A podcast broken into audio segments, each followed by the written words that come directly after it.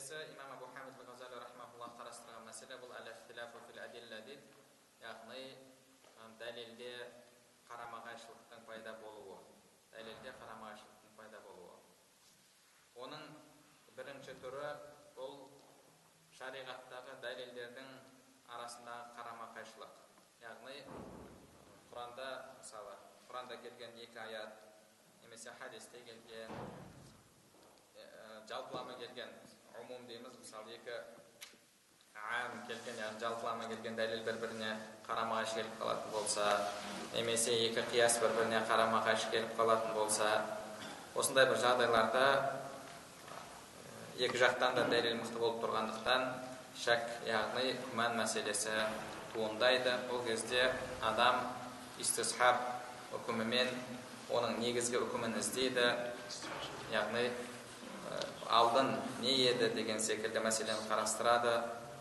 Егер бір бір жағын дәлел болатын қосымша дәлел табылмаса онда ғұламаларымыз ол мәселеде тоқтау керек деді. Және екіншісі бұл жалпы екі түрлі адамның хабарының бір біріне қарама қайшы қарама қайшы келуі дейді мысалы бір сенімді адам мынау халал деп тұр. Бір сенім тағы бір сенімді адам бұл халал емес деп тұр. Яғни біреу ұрланған деп тұр біреу ұрланбаған деп тұр. Ә, енді жағдайына қарасаңыз екеуі де сенімді өтірік айтпайтын адамдар. Немесе екі пасық. Екі пасық біреу болады деп тұр біреу болмайды деп тұр. Ә, бұндай кезде не істейміз? Ғұламаларымыз айтады бұл мәселеде де жалпы тәуақуф яғни тоқтау керек дейді ол мәселеге кірмеу керек ол мәселені тастау керек дейді ал егер мысалы бір адам сізге халал деп тұрған адам сенімді тақуа намазхан адам болса екінші адам ә, пасық адам болатын болса ондай кезде әлбетте сенімді тақуа адамның хабары алынады. Соның хабарына басымдылық беріледі. Және үшінші мәселе бұл жерде мысалы дейді бір адам уақыф уақыф дегеніміз жалпы өзінің бір дүниесін арнау. Мысалы бір адам өзінің дүкенін арнайды бір адам өзінің заводын арнайды бір адам өзінің бау бақшасын арнайды және қайда жұмсалатынын белгілеп нақтылайды. Мысалы бір адам айтады осы бау бақшамнан шыққан жеміс жидек шариғат жолын оқып жүргендерге дейді бір адам жетім жетімдерге дейді бір адам жесір әйелдерге дейді егер біреу шариғат жолын оқып жүрген мысалы фихты оқып жүрген адамдарға дейтін болса бұл жерде мысалы жаңадан енді бастап жатқан сол жолға кіріп жатқан адам кіреді ме кірмейді ме деген мәселе туындайды енді енді жаңадан бастап жатқан адам болатын болса оған сол фих ілімін үйреніп жүрген талаба шәкірт деген атауды беруге болады ма болмайды ма? Яғни ол сол уақыттан ақша алуына рұқсат па рұқсат емес пе деген мәселе туындайды имам абу хамид айтады бұндай жерде де жалпы күмәнді нәрсені тастап күмәнсіз нәрсені ал деген хадиске амал етеміз дейді. Жаңадан мысалы бүгін бірінші енді бастап жатқан адамға ол атты беру қиындау ондай болатын болса ол негізі ә, кірмеу керек. Бірақ бір жағынан ә, сол жолға түскеннен кейін лұғатан болса яғни тілдік тұрғыдан оған сол атауды беруге болады. Деген осындай ә, мәселелер туындайды да соның нәтижесінде ә, бір қарама қайшылық пайда болады. Ә, енді келесі мәселе бұл фил дейді яғни іздеу қарастыру сұрау мәселесі. Бір адам сізге тамақ беретін болса сізге тағам ұсынса сізге бір нәрсені хәдия етіп беретін болса немесе біреуден бір зат сатып алмақшы болсаңыз сіз ол адамнан бұл затты қайдан алдың? Бұл хәдияң адал жолған адал жолмен келген бе саған?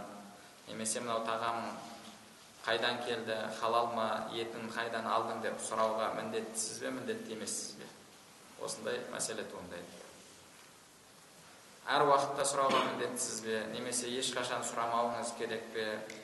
Қандай жағдайда сұрау керек? Қандай жағдайда сұрамау керек? Осы мәселені имам абу хамид ғазали рахматулла осы яғни сұрау іздестіру тақырыбында қарастырады. Енді бұған қатысты негізгі ереже адамның сұрауына себеп болатын нәрсе ол күмәннің туындауы. Күмәннің туындауы. Енді күмән сол адамның өзіне қатысты туындауы мүмкін немесе қолындағы дүниеге қатысты туындауы мүмкін. Енді бірінші сол адамға қатысты күмәннің жалпы бір адаммен кезігетін болсаңыз оны қолынан бір нәрсе алмақшысыз хәдия беріп жатыр сізге тағамын ұсынып жатыр бір нәрсе сатып алмақшысыз.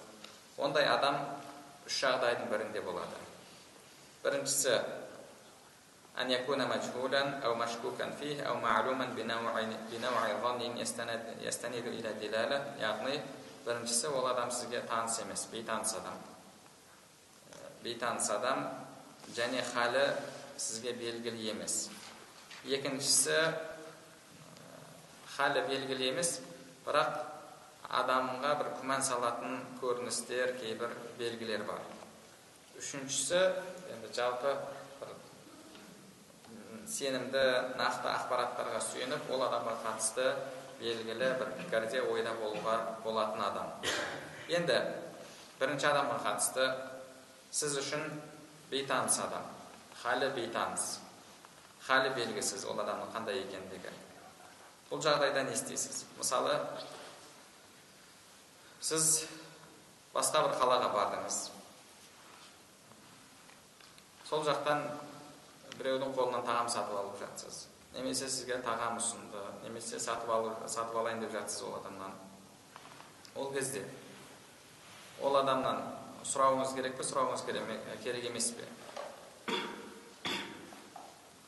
Бұл жерде жалпы егер ол адамның көрінісінде ешқандай бір күмән тудыратын сипат жоқ сипат болмаса бұл адамды ғұламаларымыз мәжһулул хал яғни жалпы халі белгісіз болған адам деді халі белгісіз болған адам оның түріне қарап сіз мына адам ізгі екен деп те айта алмайсыз мына адам пасық екен деп те айта алмайсыз түрінен еш нәрсе көрініп тұрған жоқ және өзін танымайсыз өзін танымайсыз бұл кезде бұл адам сіз үшін мәжбүрул хал яғни халі белгісіз адам болып табылады және имамымыз айтады бұл жерде бұл күмәнді деп айта алмайсың дейді күмәнді деп айта алмайсың неге себебі күмәнді деп айту үшін нақты екі жақтан екі дәлел бір біріне қарама қайшы болу керек дейді яғни біреуге қатысты сізде күмән пайда болу үшін де күмәнға негіз болатын нәрсе болу керек жайдан жай алып күмәндана бермейсіз күмән туындау үшін күмәнға себеп болатын нәрсе болу керек біреуді көріп қалдыңыз мен оны білем білмеймін ғой онда күмәнді жоқ не үшін күмәнді білмегеніңіз үшін күмәнді болады ма білмегеніңіз үшін күмәнді болмайды сол үшін де имамымыз бұл жерде айтады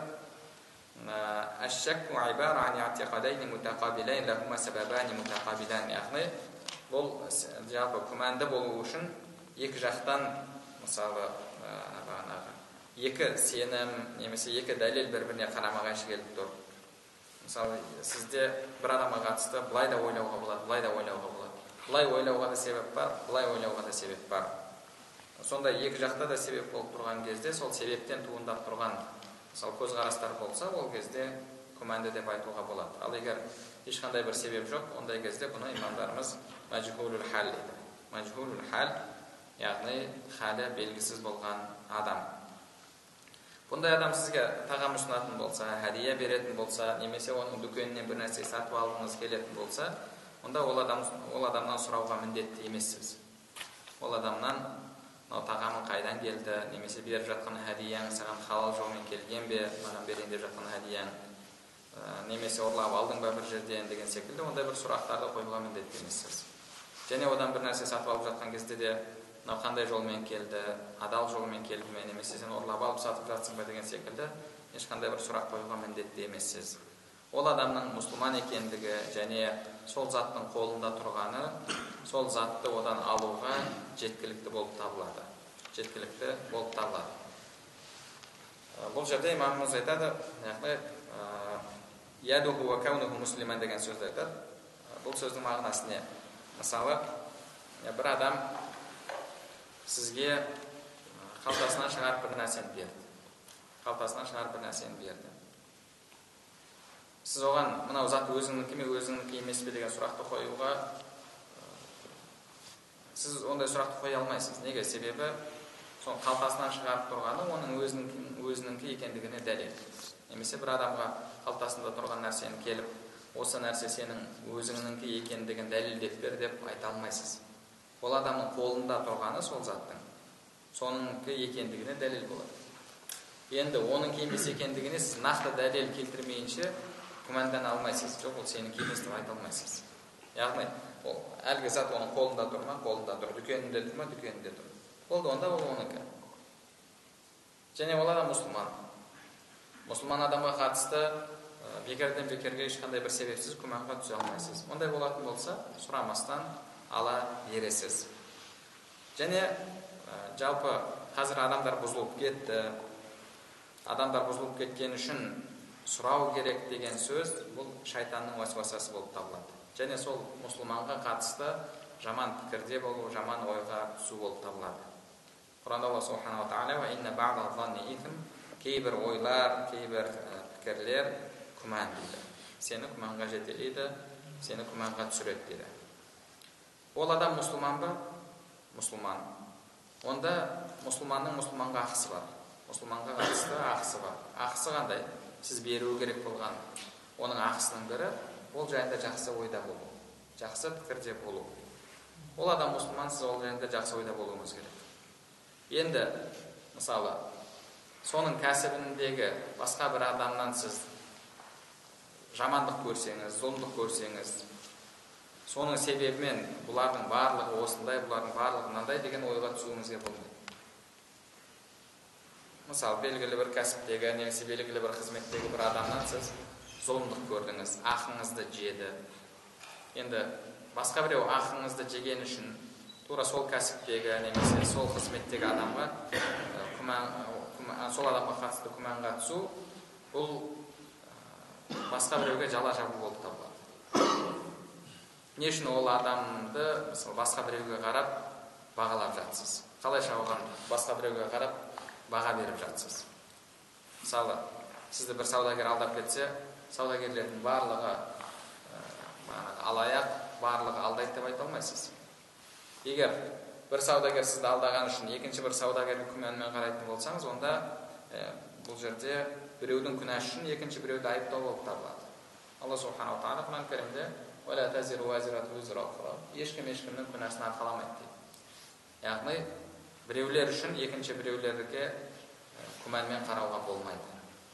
Сол үшін де бір адам болса мұсылман болса қолында заты болса және түрінде көрінісінде бір күмәнға түсетіндей ешнәрсе байқалмаса онда ол адам мәжбулул хал яғни халі белгісіз адам болып табылады. Ол адамға қатысты сіз мынандай немесе мынандай деген үкім шығара алмайсыз. Пайғамбарымыз саллаллаху алейхи уассаламның сахабалары сапарға шыққан кезде шайқасқа шыққан кезде ауылдарға басқа бір елді мекендерге баратын олардың базарларына кіретін сол кезде олардан бір нәрсе сатып алып жатқан кезде мынау затың қайдан келді кімнен алдың деген сұрақтарды қоймайды және олардың кезінде де жалпы харам дүние болды харам дүние кез келген уақытта болады біз өткен дәрісте айттық бұл дүниеде барлығы халал болып харам дүние мүлдем қалмау үшін адамдардың барлығы әлгі періштелердей немесе пайғамбарлардай күнәсіз пенделерге айналу керек сол кезде харам дүние жоғалады ал жалпы адамдардың арасында ә, мұсылман мұсылман емес бағанағы адал арам бар ма онда дүниеде адал дүниеде болады арам харам дүниеде болады. Енді харам дүние бар екен деп сол үшін адамдардың бәріне күмәнмен қарау дұрыс емес. Ал енді екінші жағдай. Бір адамнан бір нәрсе алмақшысыз. Немесе сізге ол адам тағам ұсынып тұр хәдия беріп жатыр. Ол адамның көрінісінде күмән тудыратын немесе бағанағы адамның ішін мазалайтын бір пікір тудыратын бір себептер бар. Имам абу бұл жерде оған мынандай мысал келтіріпті. Енді бұл біздің заманымызға қатысты ма қатысты емес пе? Дейді. Яғни мұртының ұзын болуы дейді. Ол уақыттарда бағанағы мұртын ұзын қылып бағанағы ернін жауып кетеді мына екі жағына бүйтіп қойып алып жүретін адамдар яғни белгілі бір сондай көзқарастағы немесе бір пасық адамдардың ісі болған болуы мүмкін немесе оның шашы бағанағы екі қарай екі жаққа қарай таралған дейді фасад дейді әхлил фасад яғни бұзақылардың әлгі дұрыс емес адамдар дейді мысалы қазіргі кезде ә, сіз бір жігітті көрсеңіз шашын мысалы астыңғы жағын бәрін ә, тықырлап тұрып ә, лысый сияқты қылып тұрып алып тастаған мысалы қолына трос тағып алған мойнына трос тағып алған ол адам туралы не ойлайсыз? Мынау әлгі қуғынбай жігіттердің бірі екен ғой деп ойлайсыз? Неге? Себебі белгілі бір сондай бір көрініс бар. Сол көрініс белгілі бір адамдарды сіздің ойыңызға салады.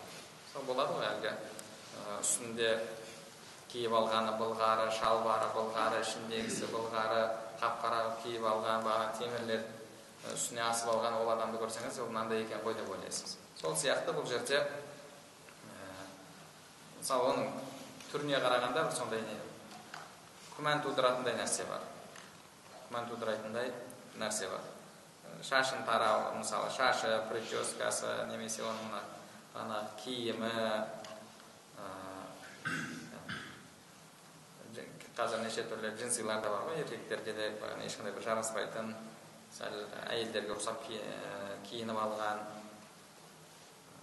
немесе мына жерде имам ғазали айтады сол залымдардың бұзақылардың киімдерін киіп алған бұл жерде соның сыртқы көрінісі адамда күмән тудыруы мүмкін күмән тудыруы мүмкін енді оны бағанағы біздің әлгі кімдерге қалдырып қоятын болсақ мүлдем оларда кез келген нәрсемен күмәндана береді әлгі бір жігіт еді намазды енді бастап жүрген кезде дүкенінде тұрған енді ол кезде бәрі намазхандардың бәрін жақсы көріп бір сондай адам ерекше сезімде болады ғой.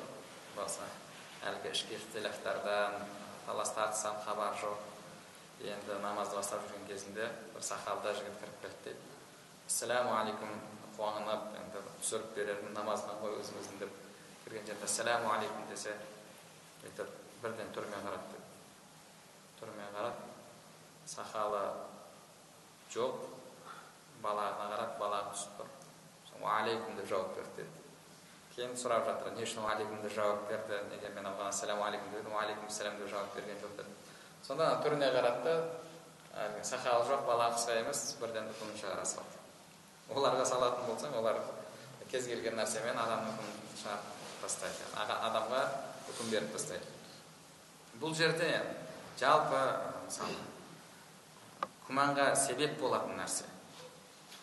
Енді сондай адамнан бір нәрсе сатып алу немесе қонаққа шақыратын болса оған бару үйіне бару бірақ ол адамның өзі сіз үшін ғарибун мәжхулун дейді яғни бейтаныс адам сіз танымайсыз бұл кезде қалай болады имам абу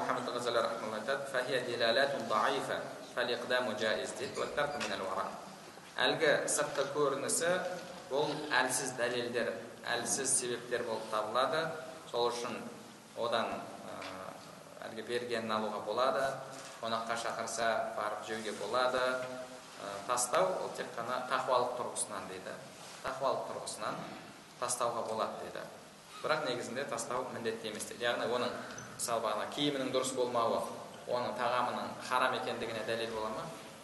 Жоқ оның харам екендігіне дәлел болмайды. Яғни ол тікелей тағамға қатысы жоқ. Сол үшін де ол адамның бергенін алуға қонаққа шақырса үйіне қонаққа баруға болады одан зат сатып алуға болады. Әлгі сыртқы көрінісі бұл дейді. Яғни нақты сол қолындағы заттың харам екендігіне бір күшті дәлел емес. Және үшінші жағдай дейді үшінші жағдай енді ол адам сіз үшін танымал адам немесе басқа біреулер ол адам жайында жақсы деп куәлік берді мынандай қалаға баратын болсаң мысалы мынандай дүкенге кір немесе мынандай тағам ішетін жерге кір сол жердің тағамы жақсы ана халал деп сізге басқа адамдар куәлік беріп жатыр. Немесе бір адам жайында адамдардың барлығы оның тапқаны харам кәсібі харам деп айтып жатыр. Яғни сізде былайша айтқанда нақты бір мәлімет пайда болды. Нақты бір мәлімет пайда болды. Ондай кезде ондай кезде ол адамнан сұрауға болмайды.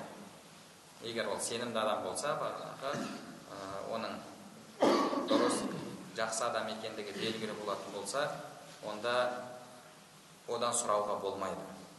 Имам айтады сұрау міндетті емес сен сұрауға болмайды да дейді. Сұрауға болмайды. Неге? Өйткені ол адамның сыртқы көрінісі сізге жеткілікті дәлел. Мысалы бір намазхан үйіне қонаққа шақыратын болса үйіне барып алып сенің маған беріп жатқан тағамың халал ма халал емес па қойыңды қайдан алдың үйіңде сойдың ба етті бір жерден алып келдің ба деп оны сұрақтың астына алу дұрыс емес оның намазхан екендігі жамағатта бар екендігі араласып жүргендігі өзі жеткілікті дәлел ал енді екінші бір адам білесіз оның хараммен айналысатынын мысалы бағанағы арақ заводта жұмыс істейді одан басқа ешқандай кәсібі жоқ табысы тек қана сол жерден. Ондай кезде ол адамның халі белгілі. Сол үшін де қашанда бір адамның халі сізге белгілі болатын болса ол адамды тану араласу арқылы немесе басқа сенімді адамдардың ол жайында куәлік беру арқылы ондай кезде соған негізделе отыра онымен мәміле жасайсыз. Онымен мәміле жасайсыз. Енді одан кейінгі екінші мәселе бұл әлгі басында айтып кеттік қой. Күмән сол заттың иесіне қатысты немесе сол затқа қатысты болады деп. Енді затқа қатысты дейді қолындағы затқа қатысты күмән бұл егер халал мен харам араласып кететін болса бұл мәселені біз өткен сабақта қарастырған болатынбыз. Ол жерде жалпылама қарастырған бұл жерде соны жақты ә, нақты неге қатысты айтып жатыр дүниеге қатысты айтып жатыр біз өткенде айтып кеткенбіз. Жалпы санаулы яғни шектеулі харам шексіз халалға араласып кететін болса онда одан сақтану міндетті емес одан сақтану міндетті емес дегеніміз яғни мысалы базарға сондай бір камаз харам не кіріп кетті ет кіріп кетті. Мына жақта жүз камаз халал ет бар. Енді сол бір камаз кіріп кетті деп барлығын тастауға міндетті емеспіз және сондай ақ мына жақта харам шексіз халал шексіз ондай кезде де қазіргі дүниенің жағдайы дейді имам абу және біздің жағдайымызда тура сондай ол уақыттан харам көбеймесе азайған жоқ біздің қазіргі заманымызда харамның түр түрі шығып кетті бірақ халалдың да альхамдулилля түрі көп яғни халал дүниелер мен харам дүниелер жалпы адамдардың мәмілесінде базарда болсын дүкенде болсын араласып кетті. Бұндай кезде харам көп деп халалдың бәрін тастауға болмайды дейді. Сол секілді бұл жерде де жалпы дүние халал дүние харам дүниемен араласып кететін болса ондай кезде араласып кет деп тастау міндетті емес дейді. Міндетті емес. Тек қана сол адамның қолындағы заттың нақты харам екендігіне көзіңіз жететін болса соған нақты дәлел болса ондай кезде оны тастау керек дейді. Яғни жалпы мысалы бір қаланың үкімі немесе бір базардың үкімі барлығы бір. Барлығы бір болып табылады. Мысалы бір қаланың ішінде халал мен харам араласып жатыр. Сол сияқты сол үлкен базарда халал мен харам араласып жатыр. Бұндай кезде әрқайсысын жеке іздеп анық қанығына жету міндетті емес. Бірақ харам басым болып кететін болса немесе бағанағы нақты сіз алып жатқан нәрсе нақты сол өзі харам екендігі дәлел бағанағы дәлелмен нақты болатын болса ондай кезде оны тастау керек болады. Яғни мысалы бағанағы бір партия зат кіріп кетті харам оның харам екендігіне белгілі дәлелдер бар. Мынандай номермен кірді несін бағанағы мынандай жазулары бар деген секілді. Сіз көрсеңіз тура сол жазулар тұратын болса онда оның ана харам екендігіне дәлел болады. Да оны тастау керексіз. Оны тастау керексіз. Енді келесі осы халал харамға қатысты мәселе бұл мазалим дейді. Тәубе еткен адамның қолындағы харамнан құтылуы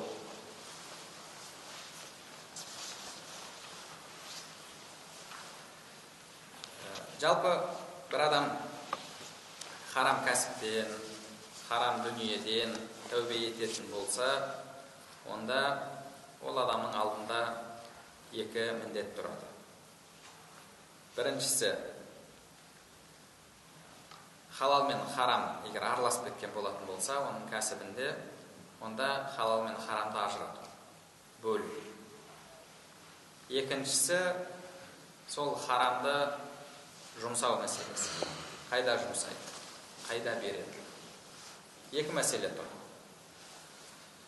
Бірінші мәселе егер бір адам тәубе ететін болса және оның қолында харам дүние болса және ол харам дүние белгілі нақты ана басқаларынан бөлініп тұрған зат болатын болса онда оны бөлу жалпы қиынға соқпайды. Мысалы бір адамның үйінде ұрланған көлік тұр. Көлік ұрлайтын адам. Немесе үйінде ұрланған қой тұр ұрланған сиыр тұр. Немесе бағанағы ә, сол харамнан табылған дүние тұр нақты бөлініп тұр. Ондай кезде бұны басқалардан ажырату бөлу қиындыққа соқпайды. Ешқандай қиындық тудырмайды. Қашан қиындық туындайды? Егер араласып кеткен болатын болса араласып кеткен болатын болса. Халал дүниесі мен харам дүниесі араласып кеткен. Екеуін ажырату қиын. Мысалы үйінде халал бидай бар дейік сататын. Оған харам бидайды алып келді да қосып жіберді. Енді отырып мынау халал бидай мынау харам бидай деп бөле алмайсың ғой. Ол бір біріне ұқсас дүниелер араласып кетті. Тағы да басқа да сол секілді нәрселер. Бұны мутамасилят дейді. Мутамасилят яғни бір біріне ұқсайтын нәрселер. Мысалы біреу май сатады. Май сатады. Халалдан келген майы бар ұрланған майы бар екеуін алды да араластырып жіберді. Бізде күнбағыс майы дейік немесе басқа бір май. Яғни сондай араласып кететін бір бірінен ажырата алмайтын мәселелер. Бұндай кезде адам не істейді? Ақшада да тура сондай. Ақшада да тура сондай. Мысалы қолыңызда ақша тұр. Қолыңызда екі жүз мың теңге тұр дейік оның жартысы енді бұл жерде жартысы ма немесе одан көптеу ма сіз бір затты адал жолмен сатып тапқан ақша. Екіншісі алдап бір нәрсені сатып немесе ұрланған нәрсені сатып тапқан ақша. Екеуі араласып жатыр. Енді бұл жерде не істейміз? Имамдарымыз айтады егер ол мәлумул қадар болса яғни қанша мөлшерде екендігі белгілі болатын болса онда сол мөлшерді бөліп шығарып тастаймыз дейді яғни сіздің үйіңізде мысалы бағанағы сарайыңызда қоймаңызда үш тонна бидай жатыр сіз оған алып келдіңіз да екі тонна харам бидайды қостыңыз бұл жерде белгілі халалыңыз үш тонна харамыңыз екі тонна екі тоннаны шығарып тастайсыз екі тоннаны шығарып тастайсыз мысалы бағанағы майыңыз болатын болса бес жүз литр май. Оның үш жүзі халал екі жүзі харам. Ондай кезде екі жүзді алып шығарып тастайсыз. Егер ақшадан екі жүз мың болатын болса жүз мыңын халал жолмен тапқансыз сатқанда әділдікпен сатқансыз екінші жүз мыңды таразыдан жеп сатқансыз.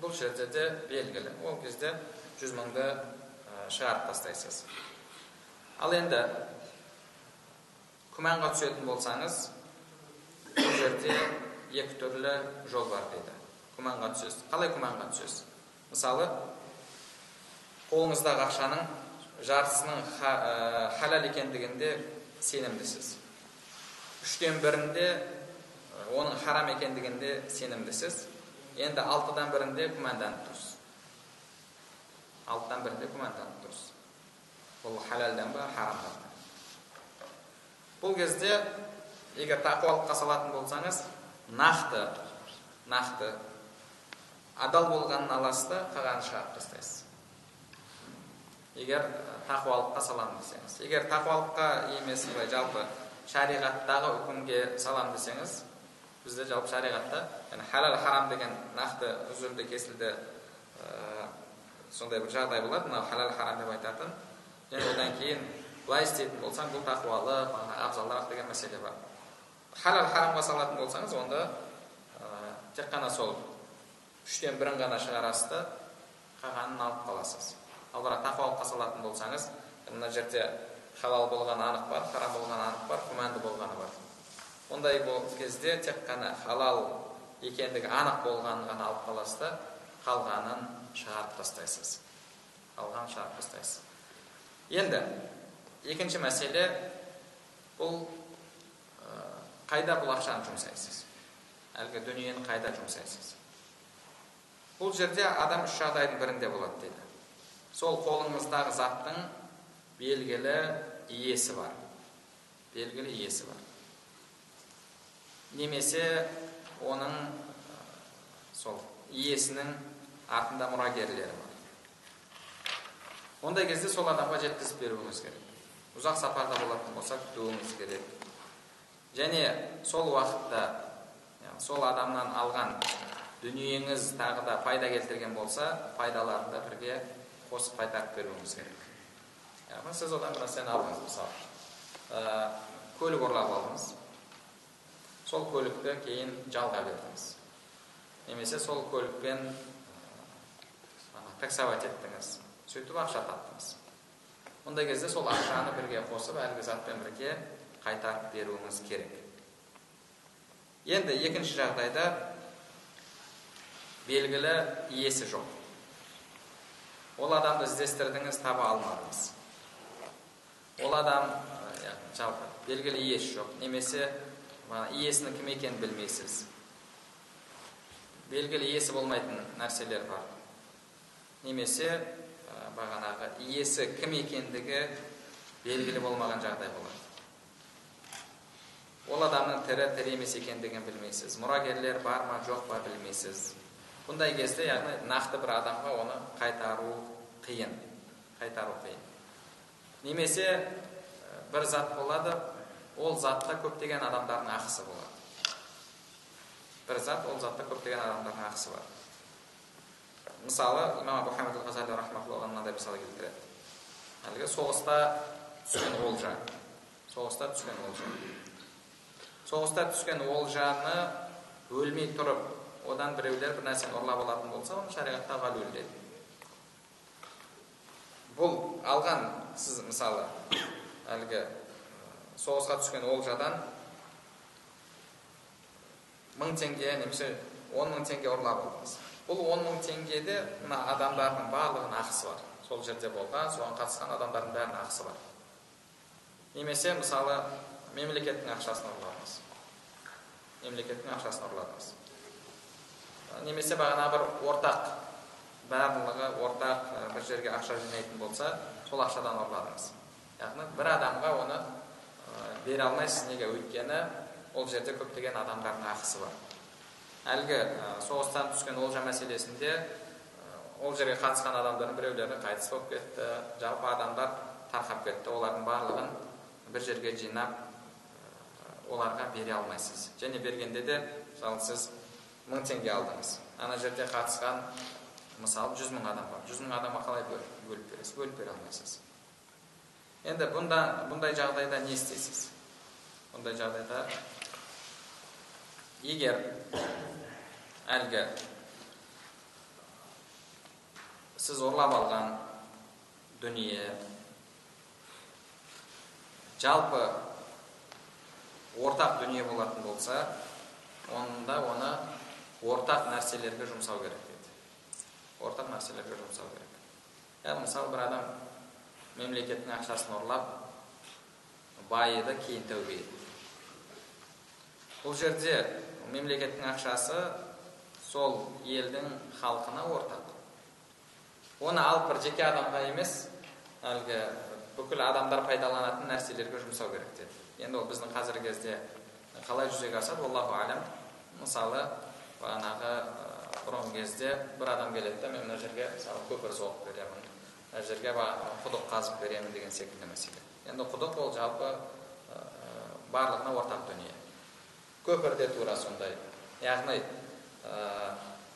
барлық адамдардың ақысы бар дүние болатын болса онда барлығы пайдаланатын жерге жұмсалуы керек деді жұмсалуы керек. Егер ондай барлығына ортақ дүние болмаса мысалы белгілі бір адамның бірақ иесі кім екендігі белгісіз болса онда оны жеке адамға беруге болады деді. Жеке адамға беруге болады. Енді жалпы жеке адамға беруге болады ма болмайды ма деген мәселені имам абу хамид ғазали рахмаулла тағы да қарастырады. Оны садақа етіп беруге болады ма болмайды ма? Бұл жерде садақа сөзінің де жалпы өзіндік мағынасы бар. Садақа деген кезде яғни сауап үміт етіп беру бар. Немесе харам дүниеден құтылу үшін беру бар. Екі түрлі жол. Егер сіз сауап үміт етіп беретін болсаңыз онда нақты адал дүниеден беруіңіз керек.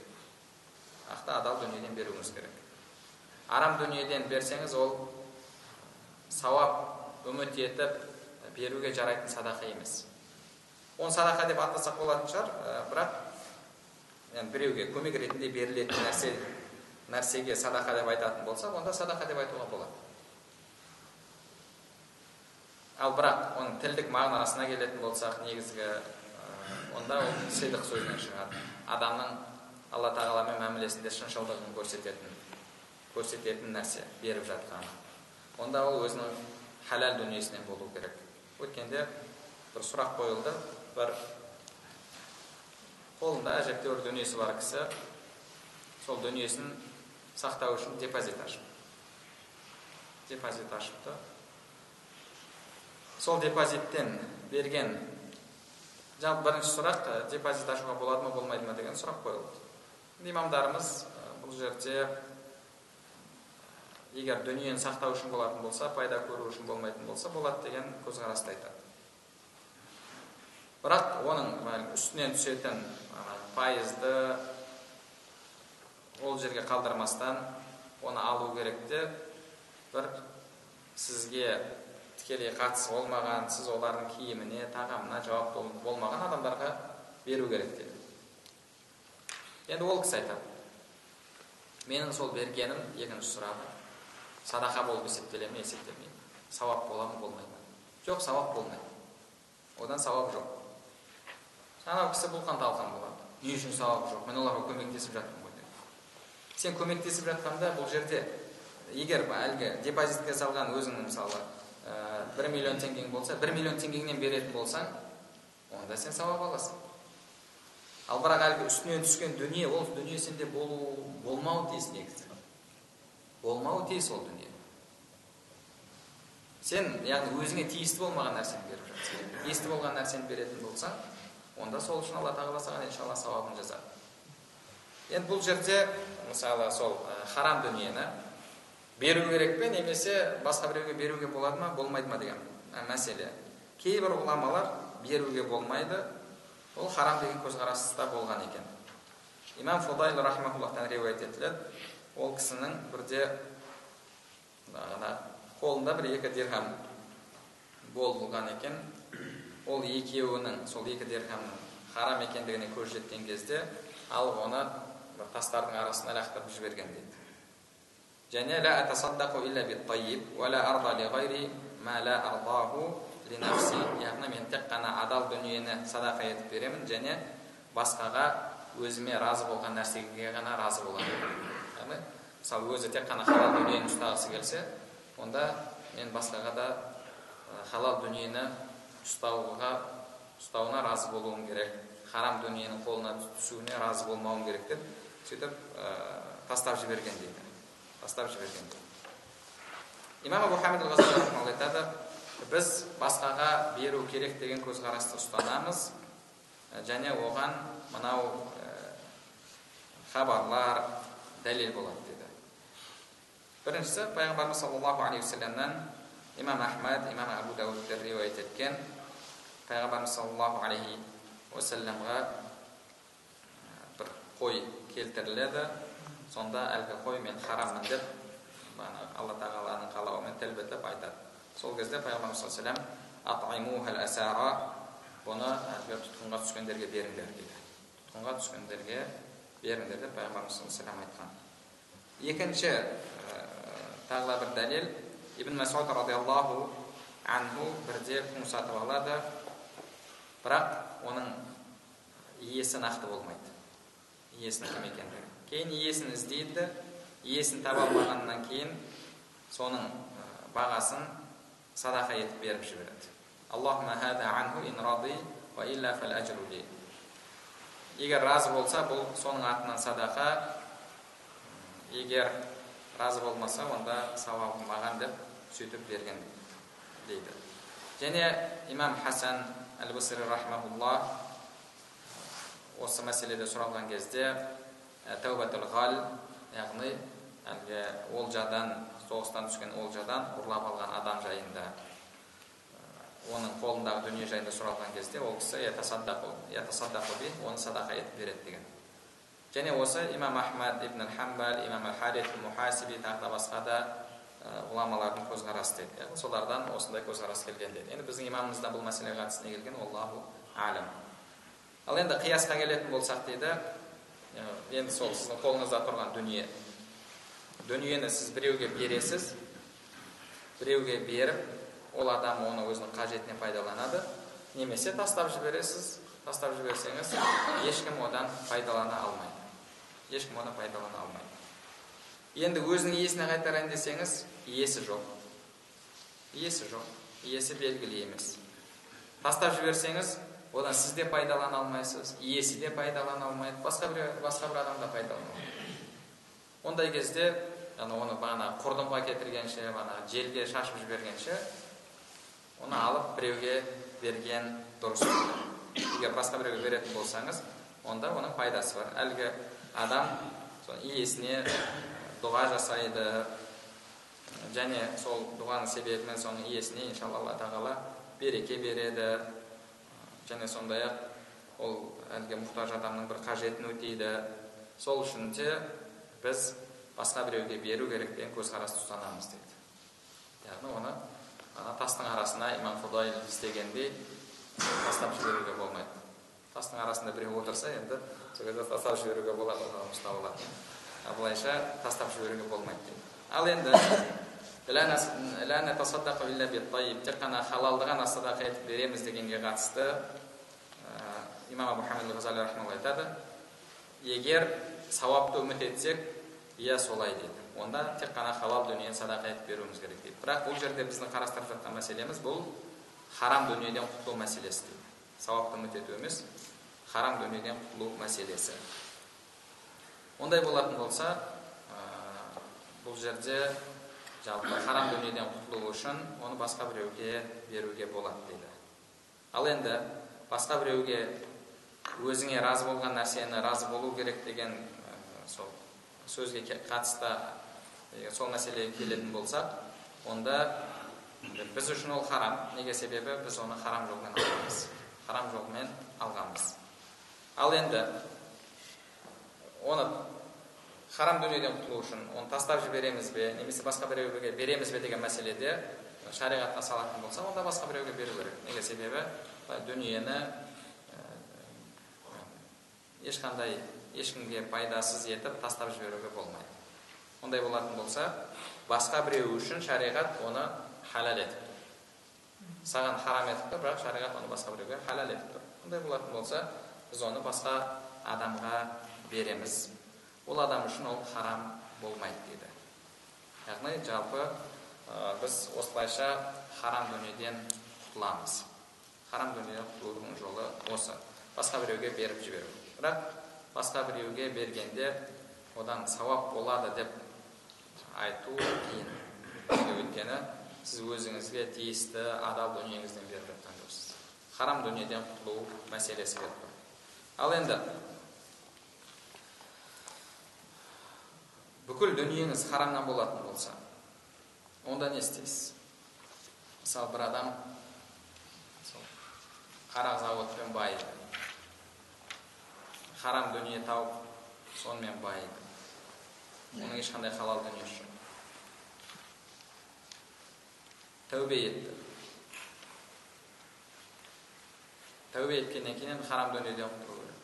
Харам дүниеден құтылу деген бұл жерде үйінен құтылу көлігінен құтылу бүкіл барлық нәрседен құтылу болады бұл мәселені иншалла пәтуа бөліміне жолдап пәтуа бөлімі иншалла сіздерге жауап берер бұл мәселеде иншалла осымен дәрісімізді тамамдаймыз тағы осы адал арамға қатысты мәселе бар ол бағанағы басшылардан болған сыйлық мәселесі олармен араласу олардан дүние алу мәселесін қарастырып иншалла оны келесі дәрісімізде қарастыратын боламыз алла субхана тағала бәрімізге пайдалы білім нәсіп етсін білімдерімізге амал етуімізді және амалдарымыздың қабыл болуын нәсіп етсін субханакаллахумма